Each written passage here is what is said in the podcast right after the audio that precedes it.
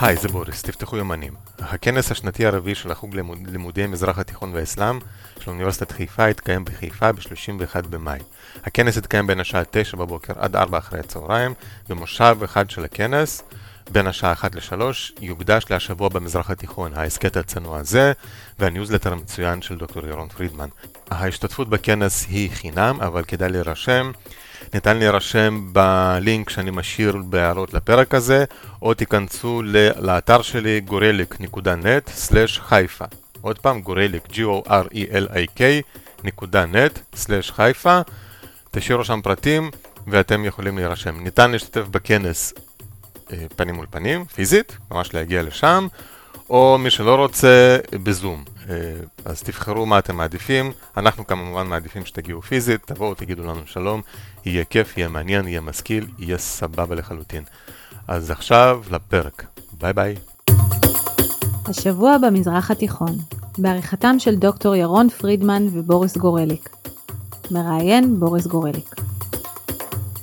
השבוע במזרח התיכון, שלום לכם, אני בוריס. אה, לפני קצת יותר מחודש רוסיה פלשה לאוקראינה, והרבה מדינות והרבה מדינאים ניסו לתווך בין הצדדים. אפילו ראינו את ראש ממשלתנו מלווה בכבוד השר זאב אלקין טסים למוסקבה באמצע השבת כדי לנסות לעצור את הלחימה. לאחרונה מוקד השיחות אה, בין רוסיה לאוקראינה עבר לטורקיה מכל המדינות. אז מה יש לטורקיה להציע לצדדים? מה יכול לעשות ארדואן במקום שבו כשל אלקין? ואיך השיחות האלה ישפיעו על מעמדה של טורקיה במזרח התיכון. אז כדי לענות לשאלות האלה ביקשתי מדוקטור אסא אופיר, מומחה לטורקיה מאוניברסיטת אריאל, להכניס קצת סדר לעניין. שלום לך אסא. שלום בוריס. מה שלומך? ברוך הבא להסכתנו הצנוע, פעם ראשונה. תודה, תודה, אני מצוין ו- וכיף להיות איתך. כן, כן, כיף לארח אותך. אז אה, בואו נחזור ל... למזר... לא למזרח, למזרח המאוד אה, רחוק, לפחות מבחינתנו, רוסיה ואוקראינה, מלחמה כבר יותר מחודש משתוללת שם. באמת, כמו שאמרתי, בנט ואלקן אה, טסו לשם באמצע השבת, איזו טיסה לפחות בעיניי מוזרה, אבל היום יש שיחות, שיחות די רציניות, והכל בטורקיה, אז מה, איך זה קרה?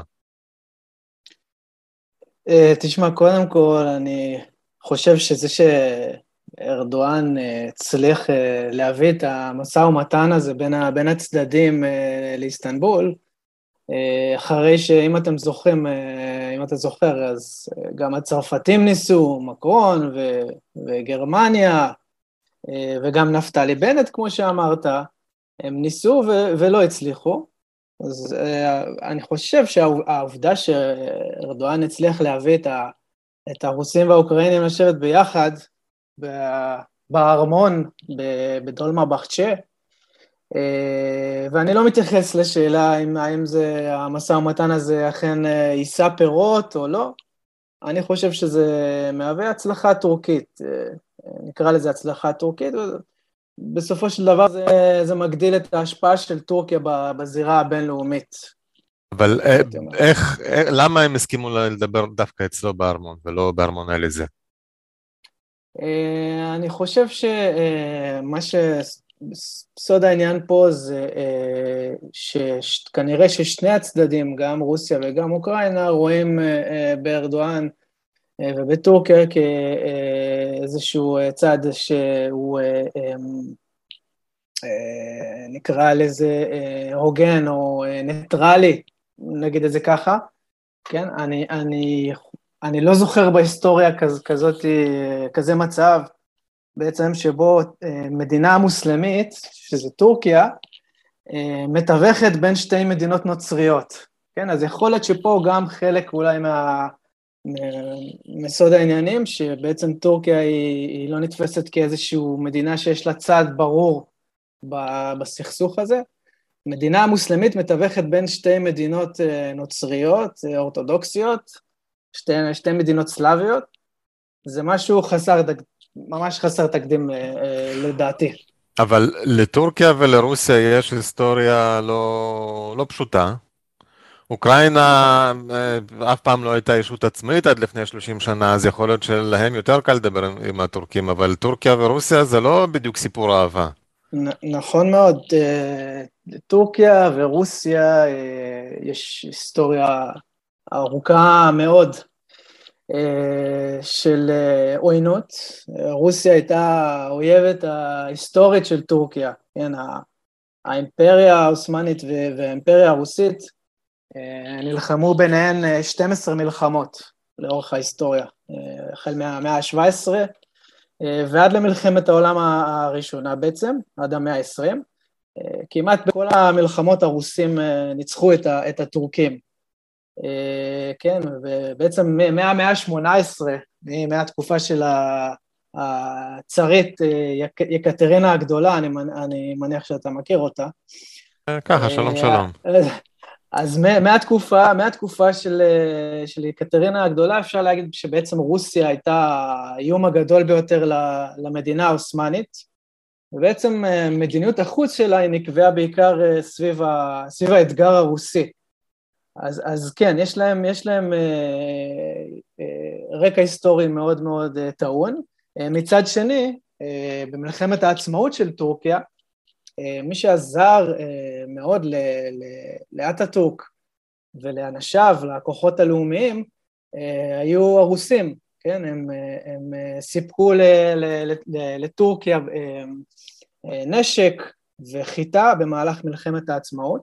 על איזה שנה אנחנו מדברים? אנחנו מדברים על אלף, בין 1919 ל-1922. שזה מלחמת העצמאות אה, של טורקיה. שזה רוסיה, רק להזכיר, אה, בעיצומה של מלחמת אזרחים קשה מאוד בעצמה, אה, לא בדיוק היה להם קל לעזור. בדיוק, אבל מה, שח... מה שבעצם חיבר ביניהם זה הרגש האנטי-אימפריאלי, כן? הקומוניסטים שהם אנטי-אימפריאליסטים. ואנטי-מלוכני גם.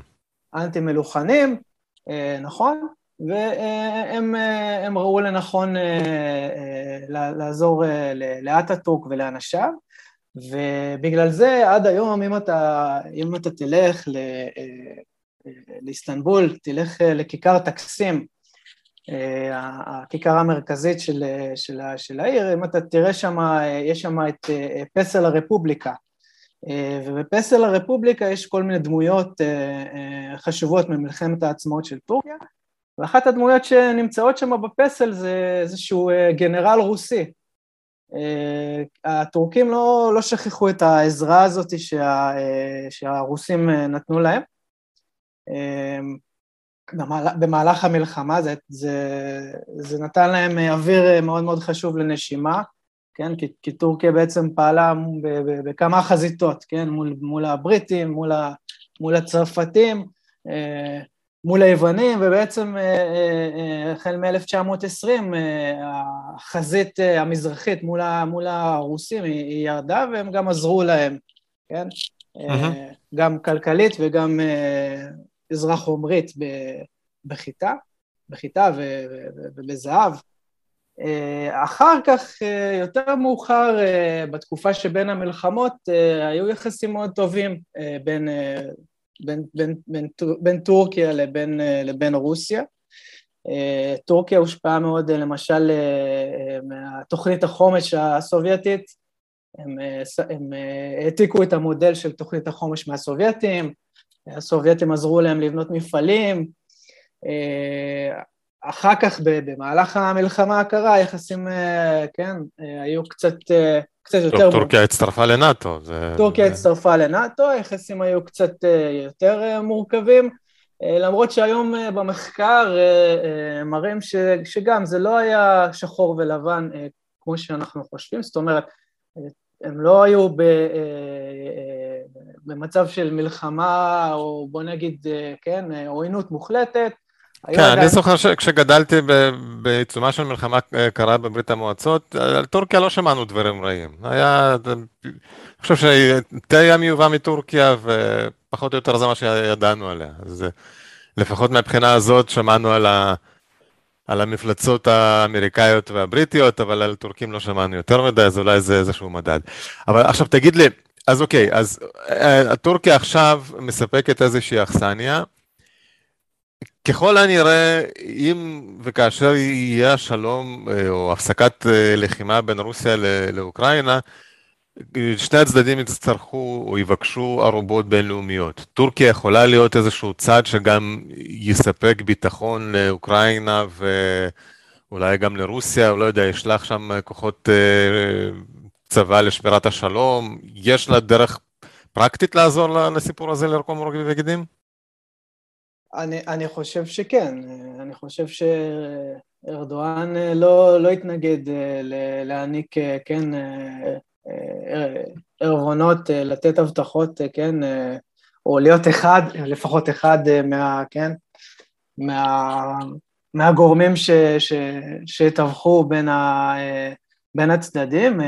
טורקיה במילא שולחת את החיילים שלה וכוחות שלה הם נמצאים בהמון מדינות, אני חושב שהיום אולי, אולי חוץ מארצות הברית, אה, אז טורקיה המדינה שהחיילים שלה נמצאים בהכי הרבה מדינות בעולם. ב...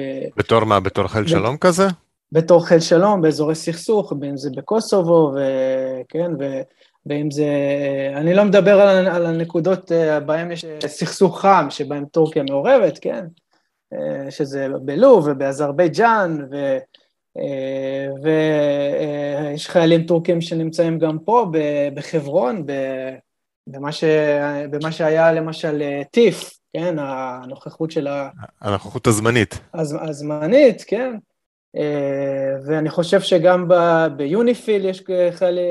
חיילים טורקים לדעתי. אה, מה שאתה אומר, הם מתורגלים בזה. הם, כן, הם נמצאים ב, ב, בהרבה נקודות בעולם, ושוב, הם, הם הם חושבים כמו מעצמה, ובתור מעצמה הם רוצים להיות בכל מקום. יש להם גם, חוץ מהמעמד הבינלאומי הרם, יש להם מה להרוויח כלכלית מהסיפור הזה? הייתי, הייתי, אומר, הייתי אומר כזה דבר, קודם כל אני חושב שהעדיפות העליונה של טורקיה בסיפור פה זה מלכתחילה שלא תהיה מלחמה רחבה. אה, להקטין את העימות הזה ככל שניתן.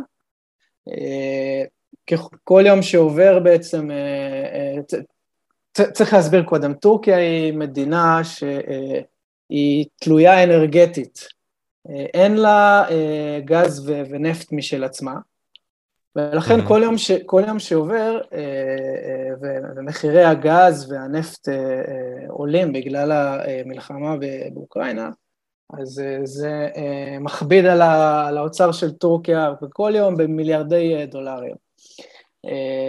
זה, זה, זה סיפור אחד, זה, זה העניין האנרגטי, כן? עכשיו, טורקיה מאוד תלויה ברוסיה מבחינה אנרגטית. אוקיי. Okay. קרוב, קרוב ל... קרוב ל-50 אחוזים מה, מהאנרגיה של טורקיה מסופקים על ידי רוסיה. עכשיו, גם מבחינת, גם מבחינת החיטה, אה, אה, כן, אספקת החיטה, מבחינת אה, שרשרת האספקה של החיטה, יש פה נקודה שגם יש פה תלות גדולה. ברוסיה, קרוב ל-70 אחוזים מה, מהחיטה של טורקיה מיובאת מרוסיה. 70 כן, אחוז? כן, קרוב ל-70 אחוזים, ועוד 15 אחוזים מאוקראינה. אנחנו יודעים בכלל שטורקיה ואוקראינה הרי הן אה, חולשות על, אה, על שוק החיטה העולמי. כל, ה, כל העולם אה, מושפע מה, מה, מהדבר הזה. אז, אז גם זה, זאת אומרת, עכשיו צריך לזכור ברקע גם את המשבר הכלכלי שיש בטורקיה, ובלי קשר למה שקורה עכשיו. זה, זה, זה עוד נקודה ש, שלטורקיה יש מה, כמו שאמרתי, מה להרוויח מזה שהסיפור הזה בעצם מסתיים, שהסכסוך יסתיים. ואם אתה, אתה רוצה עוד נדבך, כן. על, ה, על, ה, על הנדבך הזה יש גם את העניין של התיירות. זה סקטור מאוד חשוב בכלכלה הטורקית, זה מקור חשוב של מטבע חוץ, ותיירות זה בעצם כסף מהיר ליד, שמפרנס... ומי המדינה שמספקת הכי הרבה תיירים לטורקיה? בטח רוסיה, עכשיו תגיד, לא? רוסיה, בדיוק. וואלה. אה, היא המדינה אה, המובילה מבחינת תיירים, כן? 19 אה, אחוזים מסך כל התיירים, שכמעט כמעט חמישית מהתיירים שמגיעים לטורקיה, שהגיעו לטורקיה ב-2021, זה היו רוסים. שבשנים האחרונות גם הרבה אוקראינים התחילו להגיע לטורקיה, כי היחסים בין טורקיה לאוקראינה מאוד השתפרו, מאוד התחממו בשנים האחרונות. האוקראינים הם המקום במקום השלישי מבחינת התיירות הזרה לטורקיה. אז מי המקום השני? בואו תשלים לנו את התמונה. המקום השני זה גרמניה. אוקיי. ככל שאני, ככל שאני זוכר. עכשיו שוב, יש פה גם עניין גיאוגרפי. טור, מבחינה גיאוגרפית, טורקיה היא מאוד, זאת אומרת, היא מהצד השני של העם השחור בסך הכל. זה קרוב מאוד לטורקים ולרוסים, סליחה, לאוקראינים ולרוסים, ובטורקיה היא מעצמה תיירותית, יש בה חופים נהדרים, והרוסים אוהבים לבוא, האוקראינים אוהבים לבוא לשם. כן. עכשיו, עכשיו, כן. בוא, בוא נדבר קצת אולי על הצד השני. אם השיחות האלה ייכשלו, ארדואן ישלם, ארדואן או הממשל שלו, ישלמו מחיר על הכישלון הזה, או שזה פשוט אין להם מה להפסיד? ניסינו, עבד עבד, לא עבד, לא, זה מה יש. אני לא חושב שיש להם, שיש להם פה מה להפסיד, זאת אומרת, ברגע שקרה קרה מצב, כן, שוב, הם לא רצו, שלא, מעדיפים שלא יקרה כזה דבר, אבל טורקיה שומרת על איזושהי ניטרליות אקטיבית כזאת בין הצדדים. כאילו היא משחקת על, על, על שני הצדדים והיא מנסה להלך בין הטיפות. אני לא חושב שיהיה פה איזה, יהיה פה איזה מחיר לטורקיה, אנחנו ראינו לפני כמה ימים ש, ש, ששני הצדדים, גם, גם הרוסים וגם האוקראינים בעצם שיבחו את טורקיה ואת ארדואן על האירוח, ועל ה... כן, גם זלנסקי אמר מילים יפות, ראיתי גם הדובר של הקרמלין, פסקוב, הוא גם ככה אמר על ארדואן שהוא מנהיג חזק ומנהיג, כן, אני, אני לא חושב שיש להם פה איזשהו מה להפסיד, הם מנסים לעשות את המיטב מה, מהמצב ש, שנוצר. הבנתי. אז עכשיו, בוא, עכשיו הפרובינציאלי ש, שאני, אני אשאל אותך ככה. בוא נניח בעזרת השם עוד uh, שבוע, חודש, הטורקים מצליחים uh, להביא להסכם, יש חתימה על הסכם הפסקת אש על מדשאות, uh, איך קוראים לארמון של... Uh... דולמה בחצ'ה. כן, בדיוק. הארמון של הסולטנים. אז עכשיו, האם זה מעלה את הסיכוי שטורקים יוכלו גם לחזור ולנסות להיות הצד המתווך בין ישראל לעולם הערבי? כי פעם דובר על זה שהם להיות, יכולים להיות גשר. נכון, בעצם טורקיה הייתה מתווכת בפעם האחרונה שטיווחה בשיחות שלום באופן רשמי, וכן, זה בעצם היה ב-2008, אז היו שיחות שלום עם סוריה, אהוד אולמרט ואסד. אה, זה לא שאחרי זה הם לא היו בכל מיני, ניסו לתווך, בכל מיני מגעים, אה, היו, היו, הם היו מעורבים, אה, אבל אני חושב שזה, שזה לא, לא משהו שישפיע, זאת אומרת, רוסיה, מה שקורה בין רוסיה לאוקראינה, זה זירה אחת, ומה שקורה בינינו לבין הערבים זה סיפור אחר, וזה בעיקר... זה בעיקר מושפע מהיחס אה, של טורקיה לישראל. אה, בדיוק, אבל במקביל, אה, אני לא יודע, עם קשר, בלי קשר, אבל במקביל באמת יש איזושהי התחממות או הפשרה בין ביחסים האלה, הנשיא שלנו ביקר שם, אנחנו לא שומעים יותר מדי התלהמות מצד ארדואן כלפי ישראל. האם זה משהו ש... שמעלה את הסיכוי שארדואן ירצה גם לבוא לפה בתור עושה שלום? Uh, אתה יודע, אף פעם אי אפשר להגיד ש... שאין סיכוי, אבל uh, אני, אני עדיין, קשה לי לראות את זה בזמן הקרוב, ואני חושב שיותר מדי שנים של uh, יחסים קשים בין, ה... בין המדינות, uh, אני לא חושב שעדיין ב... בירושלים um, יש אמון אה, מספיק אה, בטורקיה וביכולת כן, שלה להיות צד ניטרלי אה, בתיווך או בסכסוך בינינו. אני מאמין, שבה, אני מאמין שבתקופה הקרובה אנחנו, זה יהיה, יהיה, יהיה מבחן לכל הסיפור הזה של ההתחממות בינינו לבין טורקיה. סביב כל מה שקורה עכשיו גם... כל הרמדאן וירושלים. ברמדאן ובירושלים, ותשמע, חמאס עוד רשמית לא נכנסנו פה לאיזשהו עימות, אבל ברגע שחמאס ייכנסו, שחמאס היא בעצם, כן, תנועה שהיא אחות של, של, של ארדואן ומפלגת הצדק והפיתוח, אם הם ייכנסו לתמונה ויהיה עימותים בירושלים, אז ארדואן, קשה לי לראות כמה הוא יוכל לשבת בשקט, וזה שוב אה, כן, יעכיר את היחסים. אה, אני אגיד לך למה, אני, וזה באמת פרשנות ברמה של פרלמנט אה, בפיצוצייה השכונתית. גם ארדואן, גם פוטין הם אנשים עם שליטה מאוד חזקה במדינה שלהם, ואנשים לא צעירים במיוחד. ואני מניח שהם ככה חושבים, אוקיי, איך אני אזכר בהיסטוריה? אז אנחנו רואים שפוטין הלך על הצד של אני רוצה עכשיו להחזיר עטרה ליושנה, ו... אה, הגדולה וכל העניינים האלה. יכול להיות שוב ברמה של אה, פרלמנט של פיצוצייה, יכול להיות שארדואן מסתכל ואומר אוקיי הדרך הזאת לא תלך, אולי אני אכנס להיסטוריה בתור עושה שלום עולמי, אם זה יצליח לו, פתאום זה יכול לעלות לו לראש ואז uh, אנחנו בכיוון הטוב. עכשיו, זה, זה סוף הניתוח שלי, אתה מכיר אולי את ארדואן קצת יותר טוב ממני, עד כמה אתה מגחך למשמע הניתוח הזה? תשמע, ארדואן, מה, ש, מה, ש, מה שאפשר, בוא נגיד, לאפיין אותו, קודם כל הוא, הוא דמות, אה, הוא פוליטיקאי אה, ענק.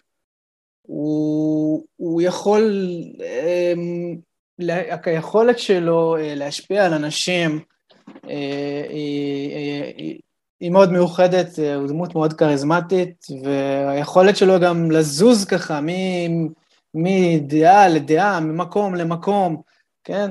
היא מאוד, אה, מאוד מרשימה, אם, אם נקרא לזה ככה. אה, אני, אני, אני מניח שהוא, אה, אתה יודע, כמו שאמרתי, הוא מנסה להפיק, לעשות מהלימון לימונדה. אני לא חושב, אתה יודע, שהוא, היה פה איזה תכנון מוקדם, או איזשהו משהו שהוא לא, לא חושב, אני לא חושב שהוא מפנטז על להיות איזה peacemaker, איזה עושה שלום. משכין שלום במזרח התיכון. משכין שלום. אגב, אם כבר הזכרת, אז בתקשורת הטורקית, אז היו איזה כמה ידיעות בסוף השבוע, שהם תהו האם ארדואן יהיה מועמד לפרס נובל. אז ככה, אתה יודע, אתה יודע, אז ככה היו כאלה שהעלו גיחוך, אבל לך תדע. לך תדע. אה, דרך אגב, בזמן שאתה דיברת, אני בדקתי, עשיתי בדיקה מהירה בוויקיפדיה, מסתבר שהם בני אותו גיל, יש ביניהם פחות משנה הבדל, אז הם באמת אה, מאוד דומים. כן, פוט, פוטין גדול ממנו, אני חושב, ב, בשנה אחת. ארדואן ילד 54. פוטין ילד 52, אז שנתיים הבדל. בסדר, כן. אבל פחות או כן. יותר זה... כן, תשמע, יש... יש דמיון, יש דמיון גדול בין, ה, בין המנהיגים, שתיהם, פוטין שולט מ-99, נכון, ב-2000, ארדואן מ-2002, הם המנהיגים הכי חזקים והכי ותיקים, ב, אפשר להגיד, בזירה הבינלאומית. אה, ובכלל, כמו שאמרנו קודם, בהתחלה, יש, יש הרבה דמיון, אני כל הזמן רואה את הדמיון ההיסטורי הזה בין, אה, בין, בין טורקיה לבין רוסיה, שתי, אה, שתי ציוויליזציות. כן. עכשיו, הזכרת את, את התקשורת הטורקית, אמ, מה ההתייחסות של התקשורת הטורקית אה, לאירועים ממש האחרונים ששמענו עליהם אתמול, כל הערימות גופות שראו ב, אה, בכפרים ליד קייב, האם הם מאשימים את, אה, את מוסקבה, האם הם אומרים בואו צריך לבדוק את זה, איך, איך, איך הם מתייחסים לזה? אז קודם כל זה צריך להגיד שה...